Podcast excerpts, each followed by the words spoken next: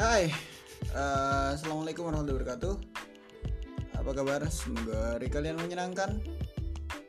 Di jam ya nih podcast ini episode dibuat di tanggal 7 jam 12.07 karena nggak tahu mau ngapain di asrama. Sepi banget. Udah belum balik. Nggak tahu juga ngapa sih gue balik cepet-cepet gitu. Padahal nggak ngapa-ngapain juga di sini. Ya uh, sebelumnya apa kabar? Semoga hari kalian menyenangkan. Saya Iqbal. Sekarang udah ganti jabatannya jadi ketua umum pimpinan komisariat Prof. Ahmadi Ikatan Mahasiswa Muhammadiyah Kota Salatiga. Karena di trailer kalau kalian dengerin trailer saya kemarin itu di bidang RPK riset dan pengembangan keilmuan. Sekarang diangkat menjadi ketua umum. Dan ya meskipun momentumnya udah jauh ya kurang lebih udah H plus berapa? H plus 6 H plus minggu lah kurang lebih. Saya ucapkan minal aidin wal faizin mohon maaf lahir dan batin buat kalian semua. Sorry banget kalau ada salah kata salah ucap salah perbuatan yang disengaja maupun nggak disengaja. Dan di episode kali ini kita akan membahas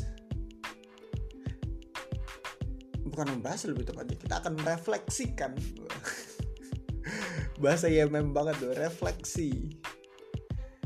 Merefleksikan satu agenda besar umat Islam tiap tahunnya yaitu kegiatan berpuasa dan setelah itu kegiatan lebaran setelahnya di tanggal 1 Syawal tiap tahun hijriahnya. Pertama, uh, banyak yang mengatakan bahwa puasa adalah satu kegiatan di mana kita tidak makan, tidak minum, menahan hawa nafsu, dan lain sebagainya dari terbitnya fajar sampai terbenamnya matahari atau waktu maghrib.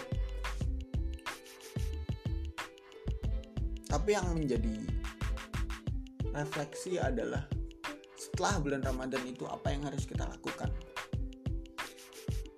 Banyak yang mengatakan bahwa setelah bulan Ramadan harusnya ibadah kita itu tidaklah kendor ibadah kita itu tidaklah uh, malah menjadi malas-malasan. Seperti itu harusnya. Dan satu ciri-ciri orang yang mendapatkan malam seribu bulan adalah ketika ia uh, setelah ditinggalkan bulan Ramadan itu tambah lagi kualitas ibadahnya itu salah satu guru saya bilang kayak gitu. Salah satu guruku bilang kayak gitu. Jadi intinya yang harus ditingkatkan di sini adalah ibadahnya. Ibadah kita sebagai umat Islam yang mana ibadah ini juga harus diartikan secara luas. Bukan ibadah kita terhadap ibadah kita kepada Allah saja ibadah kita kepada pencipta kita sih. Ibadah kita kepada bos besar kita semua. Tapi perlu kita sadari juga bahwa dalam berpuasa kemarin salah satu uh, pelajaran yang kita dapat adalah untuk tidak berlebih-lebihan. Untuk menahan hawa nafsu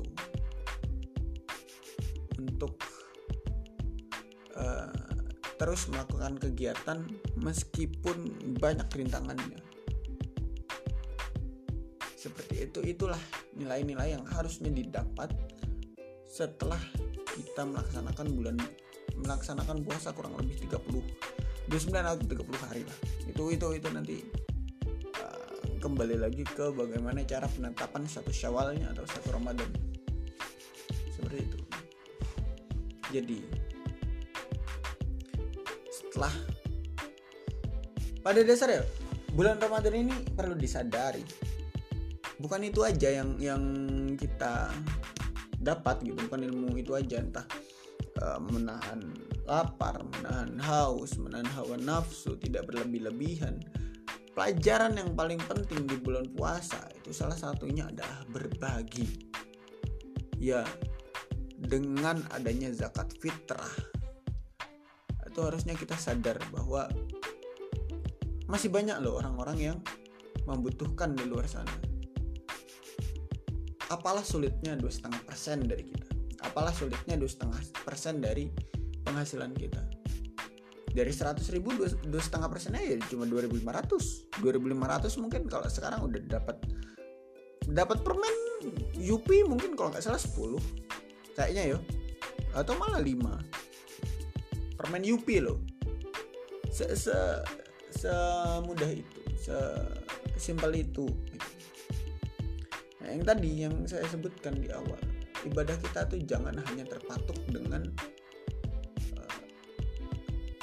surga kita sendiri tapi kalau bisa kita memberikan surga kepada orang lain. Kan kalimat kalau bisa kita memberikan kebahagiaan ke orang lain seperti itu dengan hal-hal yang uh, simpel-simpel aja gitu. Entah itu uh, memberikan mereka satu pengetahuan mengajak mereka ngobrol dan setelah itu memberikan pengetahuan itu sudah memberikan ya sedikit percikan surga. Mungkin percikan pun belum pantas dikatakan sebagai percikan tapi paling tidak sedikit kebahagiaan ke mereka gitu dari ketidaktahuan mereka atau uh, kalau kita kembali lagi ke teologi al-maun yang mana diungkapkan oleh Ahmad Dahlan. Ketika Ahmad Dahlan mengatakan ketika Ahmad Dahlan ditanya mengapa uh, yang dibaca itu surah Al-Maun padahal uh, kita atau murid-muridnya Ahmad Dahlan sendiri sudah menghafalnya sudah membacanya setiap hari sudah mengerti apa yang dibicarakan. Mbah Ahmad Dahlan sendiri mengatakan bahwa bukan seperti itu. Bukan seperti itu. Al-Maun sendiri tidaklah ke sana kepentingannya. Al-Maun sendiri bukanlah ke sana pesannya. Al-Maun sendiri adalah bagaimana caranya kita turut serta dalam membangun peradaban itu sendiri dengan tidak meninggalkan nilai-nilai keagamaan. Ngeri banget kan Ih, coba kemarin yang kodami kayak gini bah 7 menit mual kelar. Seperti itu. Artinya gini. Kalau kita balik lagi ke surah Al Imran ayat 110 benar benar benar ini kalau udah baca Al-Quran nggak bisa ini macam-macam 110 110 apa 104 lupa. Hmm, nah ayat 110 yang bunyinya kuntum khairu ummatin ukhrijat linnasi ta'muruna bil ma'ruf wa tanhauna 'anil munkar wa tu'minuna billah. Walau amana ahlul kitabi lakana khairal lahum minhumul mu'minuna wa aktsaruhum fasikun kita perhatikan dari kalimat awal ini kuntum khairu ummatin ukhrijat linnasi ta'muruna bil ma'ruf wa tanhauna 'anil munkar wa tu'minuna billah. Di sini ada pesan kalau uh, kalau kembali lagi ke teorinya Kunto Wijoyo kalau teman-teman yang uh, berkecimpung di organisasi Muhammadiyah atau teman-teman yang dulu aktivis IPM mungkin tahu siapa Kunto Wijoyo ini adalah salah satu ayat di mana beliau mengatakan di sini ada nilai profetik di dalamnya. Di sini tuh ada uh, apa pesan profetik di dalamnya. Dalam kata ta'muruna bil ma'ruf wa tanhauna 'anil munkar wa tu'minuna billah. Ta'muruna bil ma'ruf itu mem, me, memerintahkan atau mengajak kepada hal-hal yang baik. Nah, tanhauna 'anil munkar itu sifatnya itu ke uh, pembebasan, pembebasan orang-orang yang uh, dulu terkekang oleh sesuatu entah itu kemiskinan entah itu kebodohan entah itu uh, perbudakan dan sebagainya itu harus dibebaskan. Karena hal-hal yang demikian itu tuh harusnya tuh tidak ada. Maka caranya adalah dengan mencegah. Cara mencegahnya itu ya dengan membuat instansi pendidikan dengan membuat lembaga sosial dengan bekerja sama dengan orang-orang yang memang expert di dalam expert di bidang ini. Itulah cara mencegahnya.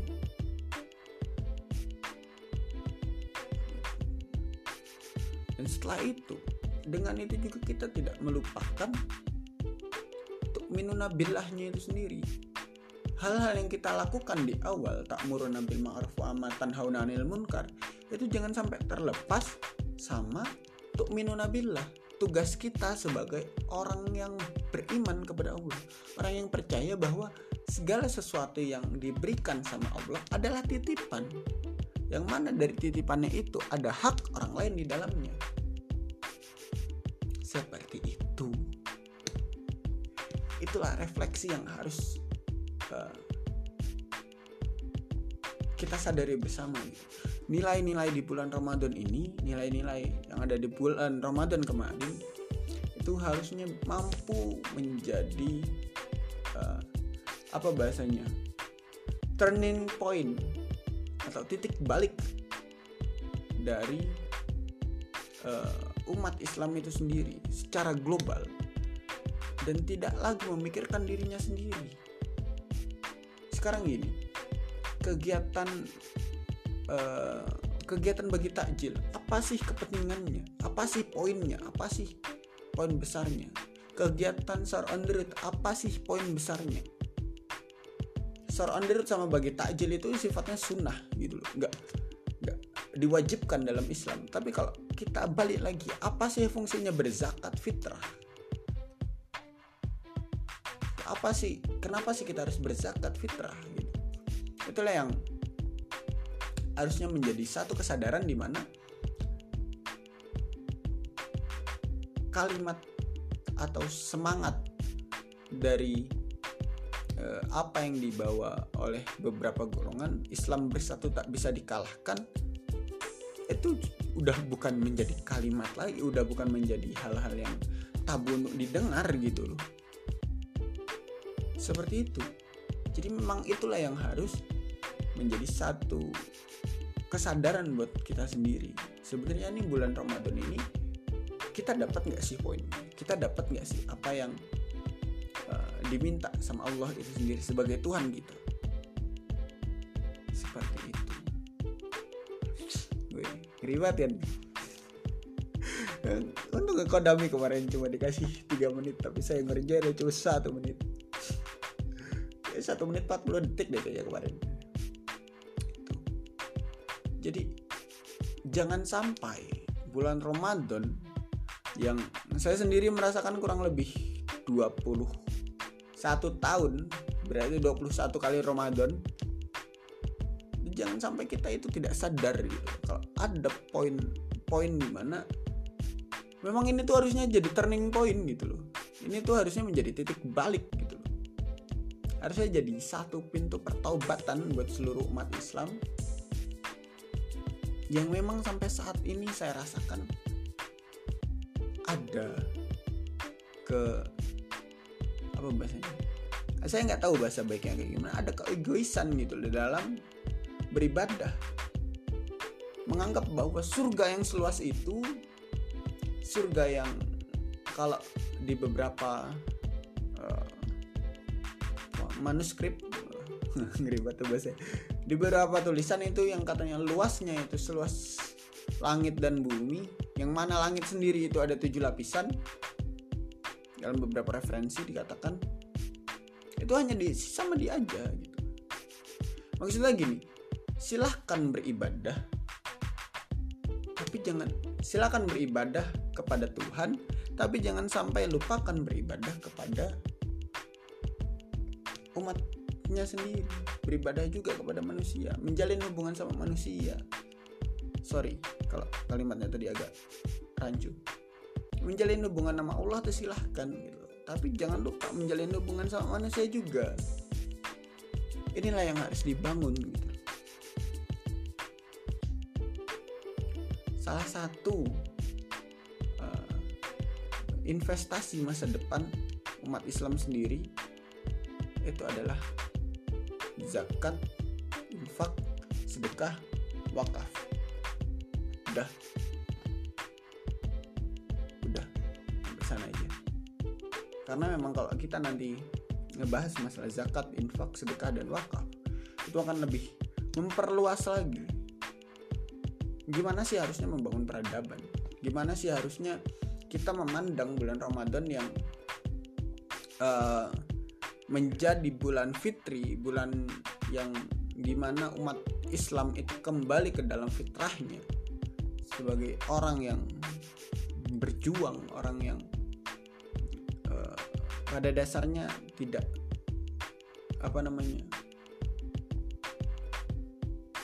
pada dasarnya tidaklah menjadi siapa pun tanpa Tuhannya dan tidaklah bisa menjadi siapa pun tanpa manusia lainnya itu perlu kita sadari seperti itu. Itu untuk re refleksi ya refleksi kita agar kita nanti dan di podcast kali ini bukan bukan ngajarin lebih tepat ya, ya kita belajar bareng-bareng. Saya pun belum tentu mampu yang seperti itu. Tapi ayolah kita bergerak bersama membangun peradaban Islam yang lebih baik lagi daripada hari ini seperti itu uh, udah 17 menit.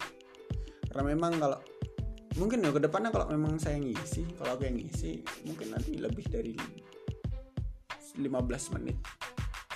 Karena ya nggak ada teksnya.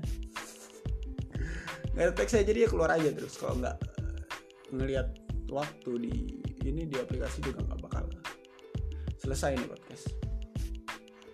Seperti itu uh, dan ya sekian dari saya. Bila ada salah mohon maaf.